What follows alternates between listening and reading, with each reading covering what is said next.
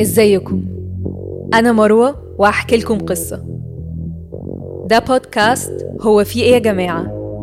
من إنتاج The Podcast Productions. في البودكاست ده هحكي لكم قصص حقيقية عن جرايم قتل أحداث تاريخية غريبة أماكن مسكونة وكل القصص اللي لما بنسمعها بنقول هو في إيه يا جماعة؟ هي الناس مالها؟ القصص دي بطبيعتها ممكن يكون فيها مشاهد عنف أو أحداث ممكن تبقى مؤذية لبعض الناس.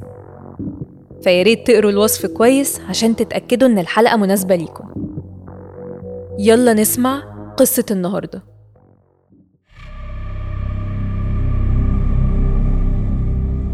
سنة 1963 كان في ولد مراهق عنده 15 سنة وعايش مع جده وجدته في مزرعة جبلية بولاية كاليفورنيا. الولد ده اتخانق مع جدته. فقام جايب بندقية كان جده مديهاله هدية وضربها بالنار فوقعت في مكانها.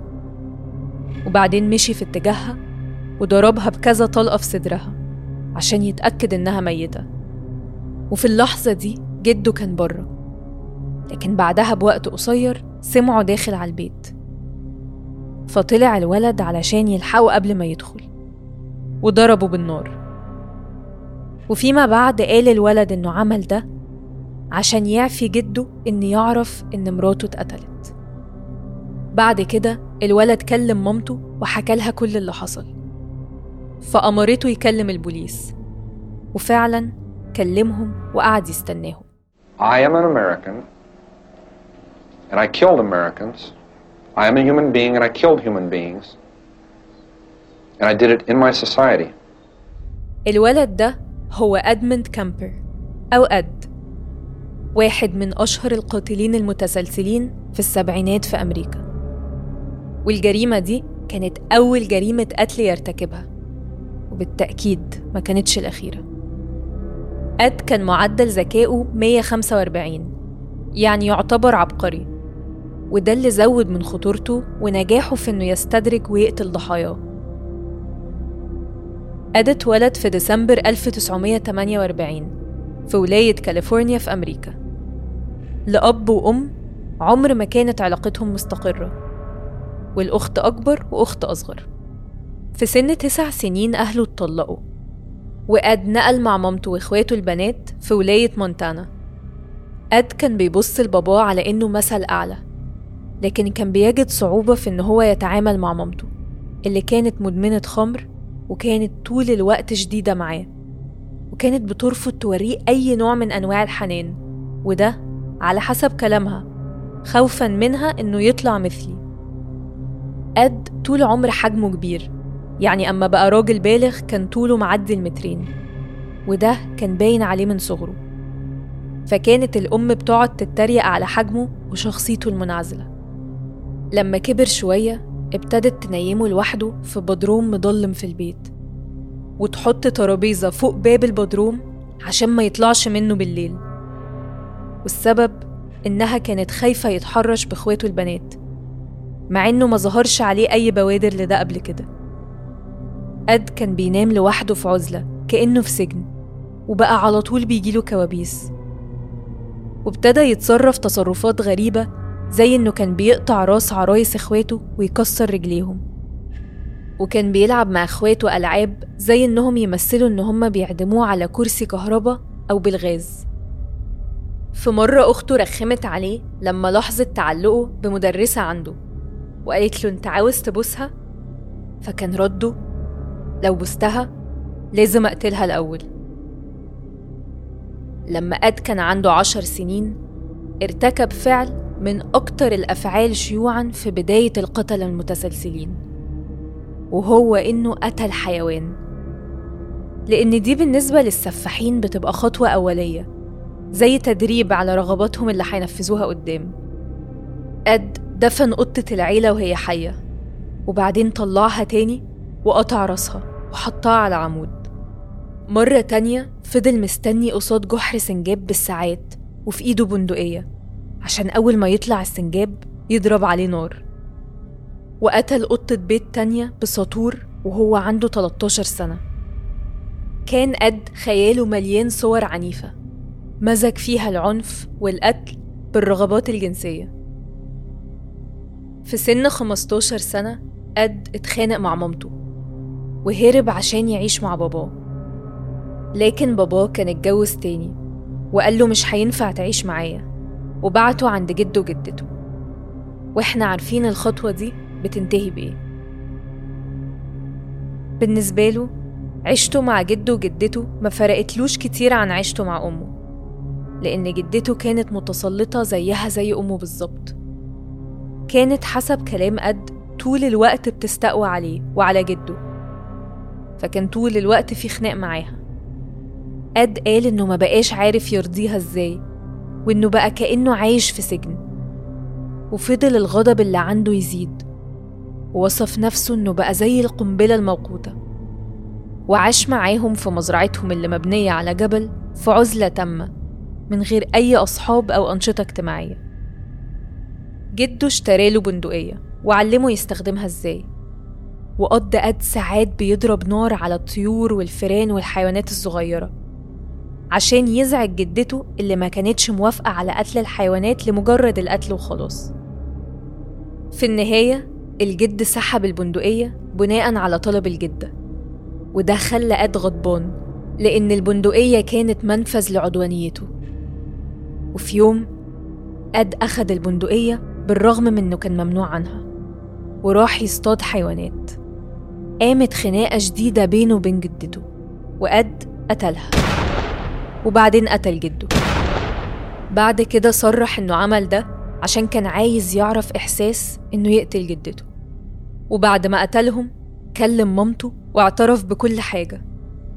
اتقبض على قد واتعمل عليه فحص نفسي. وتم تشخيصه ب paranoid schizophrenia أو فصام ارتيابي. وطلع معدل ذكائه يخليه يعتبر عبقري. فبدل ما يروح الأحداث نظرا لسنه أد كامبر راح مصحة المجرمين المضطربين نفسيا. في مستشفى الولاية في أتاسكاديرو. حسب كلام جون دوغلاس اللي كتب كتاب Mindhunter اللي بعد كده اتعمل مسلسل إن من كتر ما أد كان ذكي واجتماعي مع الناس في المصحة الأطباء وثقوا فيه. وانتهى بيه الأمر إنه ساعات كان بيتسمح له يطبق أدوات تقييم نفسي على المرضى. وبسبب ده قدر قد إنه يحفظ إجابات 28 أداة تقييم مختلفة. وده اللي مكنه إنه يقنع الدكاترة اللي بيقيموه إنه تم تأهيله وإنه جاهز يخرج للمجتمع. في 1969 بعد خمس سنين خرج قد في سن 21 سنة. وبالرغم من إنه الدكتور نصح إن قد ما يرجعش لمامته إلا إن المصحة سلمت قد لرعاية الأم. اللي كانت شغالة وقتها مساعدة إدارية في جامعة سانتا كروز في كاليفورنيا. الإفراج عن قد كان إفراج مشروط وكان لازم يتعمل عليه تقييم نفسي مستمر عشان يتأكدوا إن حالته مستقرة. لكن اللي حصل إن اتعمل له اختبار تقييم واحد من مجموعة أطباء نفسيين شافوا إن هو اتحسن وتم محو تاريخه الإجرامي من السجلات. أد ابتدى يدور على شغل. في البداية حاول يشتغل في الشرطة لكن اترفض. وده مش بسبب تاريخه الإجرامي ولكن بسبب حجمه الكبير. وأد ساعتها اشتغل في وزارة النقل. ابتدى أد يلاحظ إن في بنات كتير هيتش هايكرز اللي هم بيقفوا في جنب الطريق يدوروا على أي شخص يوصلهم في طريقه. ابتدى يوصل بنات مختلفة من اللي كانوا بيوقفوه. الأول كان بيعمل ده عشان يتكلم مع ناس في سنه ويكون صداقات. ووصل فوق المية بنت من غير ما يحصل أي حاجة. بس في الفترة دي اتدرب على أساليب التحكم والتلاعب. بمعنى إنه كان مدرك إن أغلب البنات بيبقوا خايفين يركبوا لو حسوا إن الشخص اللي قصادهم مش موثوق فيه. فابتدى يطور أساليب مختلفة تطمنهم. من أول نوع نضارة النظر اللي كان بيلبسها اللي كانت بتبينه شخص مسالم أكتر لحد إنه كان بيبص في الساعة أول ما يوقفوه عشان يحسوا إنه راجل أعمال ما عندوش وقت يضيعه. كل ده كان زي لعبة بالنسبة لقد اللي كان بيلاقي متعة جديدة في إنه يتلاعب ويتحكم في الناس. في مايو 1972 قد ركب معاه بنتين طلاب في الجامعة عندهم 18 سنة ماري آن وأنيتا. المرة دي كانت مختلفة لأن الرغبات العنيفة اللي جواه كانت زادت عن حدها تحت تهديد السلاح قد ربط أنيتا في الكنبة اللي ورا في العربية وأخد ماري آن في وسط الشجر وطعنها لحد ما ماتت وبعدين رجع لأنيتا وهو مرتبك من اللي عمله وعمال يفكر إن مفيش مفر من إنه يقتلها لأن هي ممكن تبلغ عنه She sees the blood on my hands. What are you doing? And she pulled back and she gasped. And I think, whoa, I don't want her to know what happened. I said, Your friend got smart with me. She'd been getting really smart with me a lot, but I never hit her. I killed her, but I didn't hit her. I said, Your friend got smart with me and I hit her. I think I broke her nose. You better come help. She's about to die. Why, do, why does she have to know that? اد فضل يطعن أنيتا لحد ما وقعت في شنطة العربية وقام حاطط الجثتين في الشنطة وابتدى يسوق ناحية بيته. في الطريق وقفوا شرطي بسبب كشاف العربية المكسور بس ما فتش العربية. فقد ما اتكشفش. قد قطع الجثث وحط الأعضاء في أكياس بلاستيك ورماها في وادي قريب. فيما بعد الشرطة لقت بقايا من جثة ماري آن لكن عمرهم ما لقوا جثة أنيتا لحد النهاردة. من هنا أد كمل جرايمه ضحيته اللي بعد كده كانت آيكوكو اللي كان عندها 15 سنة. أخدها في العربية زي الضحايا اللي قبلها ولما وقف بيها على جنب نزل من العربية وقفل الباب بالغلط بحيث إنه ما بقاش عارف يفتحه. فبقى عندها فرصة للنجاة. لكن قدر إنه يقنعها تدخله تاني. وساعتها خنقها لحد ما أغمى عليها. واغتصبها وقتلها. وبعد ما حطها في شنطة العربية بص عليها بفخر زي ما الصياد بيفتخر باللي اصطاده بعد كده أد نجح إنه يستدرج ويقتل ويغتصب تلات بنات تانيين. كل ده في خلال أول شهرين في سنة 73 سيندي 19 سنة وروزاليند 24 سنة وأليسون 23 سنة. بعد ما بيقتلهم بقى روتينه إنه بيقطع راسهم ويغتصب الراس وبعدين بيتخلص من البقايا وفي ضحية من الضحايا دفن راسها في جنينة البيت ووجه راسها ناحية شباك أوضة نوم مامته وعلى حسب كلامه ده كان لأن مامته كانت على طول عاوزة الناس تتطلع ليها Why did you keep the heads? Why did you cut them off, and why did you keep them? Something out of my childhood. Um, I could put it on an incident. I mean, my father chopping the heads off of our two pet chickens, and my mother insisting that I eat them for dinner. Uh, you know, we could say it was something that simple. I don't think it was. قد ما كانش قادر يكبح رغبته على القتل ولما اتسأل بعد كده قال لما بشوف بنت حلوة جزء مني بيقول دي بنت حلوة نفسي أصاحبها وجزء تاني بيقول يا ترى راسها هتبقى عاملة إزاي على عصاية قد ابتدى يخاطر بإنه يتقبض عليه لمجرد إنه يزود الإثارة في حياته. وابتدى يقعد في بار اسمه جوري روم كان بيقعد فيه دايما رجال شرطة. واتصاحب عليهم لدرجة إن ابتدوا يطلقوا عليه اسم Big Ed وابتدوا يشاركوه تفاصيل جرايم هم شغالين عليها. زي قضية بنات الجامعة اللي عمالين يختفوا وبيلاقوا أشلاءهم بعد كده. من غير ما يعرفوا إن أد كان هو القاتل. لما أد كان صغير كانت مامته على طول بتقوله إن عمر ما ست هتحبه. فتعود أد يكره نفسه وتعود بالأخص يكره ويخاف من الستات. كان بيقول إن كل المرات اللي قتل فيها كان بيعمل كده بعد ما بيحصل موقف سخيف أو خناقة بينه وبين مامته. عشان كده الجريمة الجاية اللي ارتكبها قد كانت هي الجريمة اللي كان بيقتل عشان يوصل لها في النهاية. يوم 20 إبريل 1973 قد أخيرا ركز على السبب اللي خلق جواه كل الغضب ده.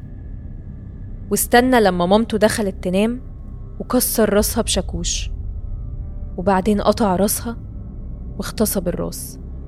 وبعد كده علق الراس على الحيطة واستخدمها زي لعبة رمي الأسهم. وما اكتفاش بكده. أد أخد لسانها وحنجرتها ورماها في جهاز التخلص من النفايات. وده بيبقى جهاز كهربائي متوصل بالحوض في المطبخ بحيث يطحن بواقي الأكل. فلما رمى الحنجرة فيه اتحشرت في الجهاز والجهاز قام رميها في وشه. أد بعد كده قال إنه شاف دي نهاية مناسبة على قد ما زعقت وصوتت في وشه على مدار السنين. الحقيقة هي إن أم أد كانت الهدف الحقيقي طول الوقت ده. في نفس اليوم أد عزم سالي صاحبة مامته على العشاء في البيت وخنقها بكوفية وبعدين اغتصبها. كانت فكرته إنه لما يعمل كده وياخد عربية مامته ويهرب إنه ممكن يبان إن هي وسالي طلعوا رحلة مع بعض. ودي كانت آخر ضحية لأد كامبر. أد خد العربية وكان عاوز يسيب المدينة بس فجأة غير رأيه وهو في كولورادو وكلم الشرطة. اعترف لهم بقتل مامته وصاحبتها وإن هو القاتل اللي بيدوروا عليه. وقال لهم تعالوا اقبضوا عليا قبل ما أقتل حد تاني. الشرطي اللي رد عليه كان عارفه وأخد الموضوع على إنه نكتة وقفل التليفون عادي. أد اضطر يعمل المكالمة دي كذا مرة لحد ما فعلا شرطي صدقه لما ابتدى يوصف بالتفصيل إزاي قتل مامته وصاحبتها. وابتدوا يتعقبوا المكالمة ويتواصلوا مع شرطة كولورادو علشان يتحركوا ويقبضوا عليه.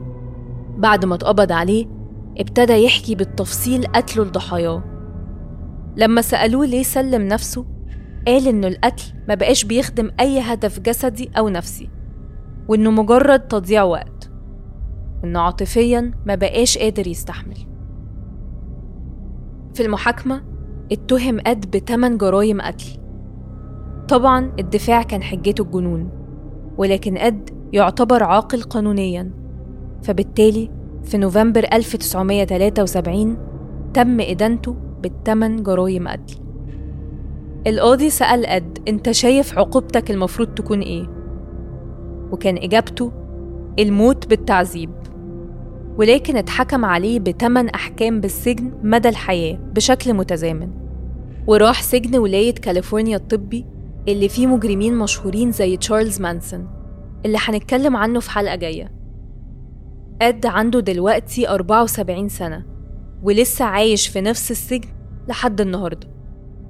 أد كان متأهل للإفراج المشروط أول مرة سنة 1979 لكن الطلب اترفض وتم رفضه في كل جلسة من ساعتها. حتى أد قال المجتمع مش مستعد بأي شكل من الأشكال لاستقبالي. وأنا ما أقدرش أنتقدهم على ده.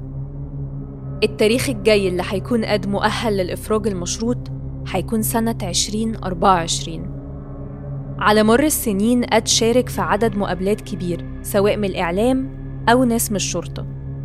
وقعد كمان مع ناس من ال FBI وده ساعد جدا في تطوير التنميط الجنائي في وحدة العلوم السلوكية في ال FBI والتنميط الجنائي اللي هو ال criminal profiling كان أداة بتساعد الباحثين الجنائيين على تحديد سلوكيات المجرمين وتوقعها وكمان بتساعد في تحديد نماذج محددة لمواصفات الجرائم والجناه لأن قبل كده ما كانوش بيحطوا في اعتبارهم أنماط القتلة المتسلسلين وتحليلهم النفسي. بالرغم من الجرائم الوحشية اللي قدر ارتكبها بمنتهى الهدوء إلا إن قد في السجن بقاله سنين بيظهر جانب تاني خالص غير الجانب المظلم بتاعه. لأنه في السجن متعاون ولطيف وبيسجل كتب صوتية لفاقدي البصر وبيقعد في مقابلات يشارك كل تفاصيل جرايمه بأسلوب هادي ودقيق على أمل إن الناس تتعلم أكتر عن أساليب القتلة المتسلسلين.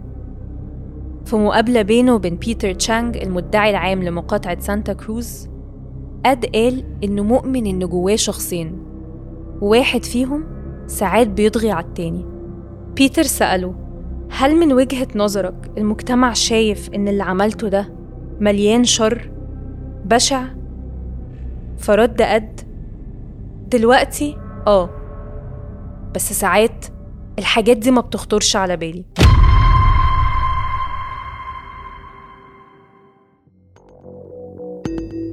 دي كانت قصة النهاردة. لو عجبتكم أو حسيت إنكم عايزين تقولوا هو في إيه يا جماعة؟ يبقى ما تنسوش تعملوا like و subscribe و share. ولو عندكم قصص عاوزين ترشحوها ابعتوا لنا على صفحة The Podcast Productions واستنوا القصة الجاية.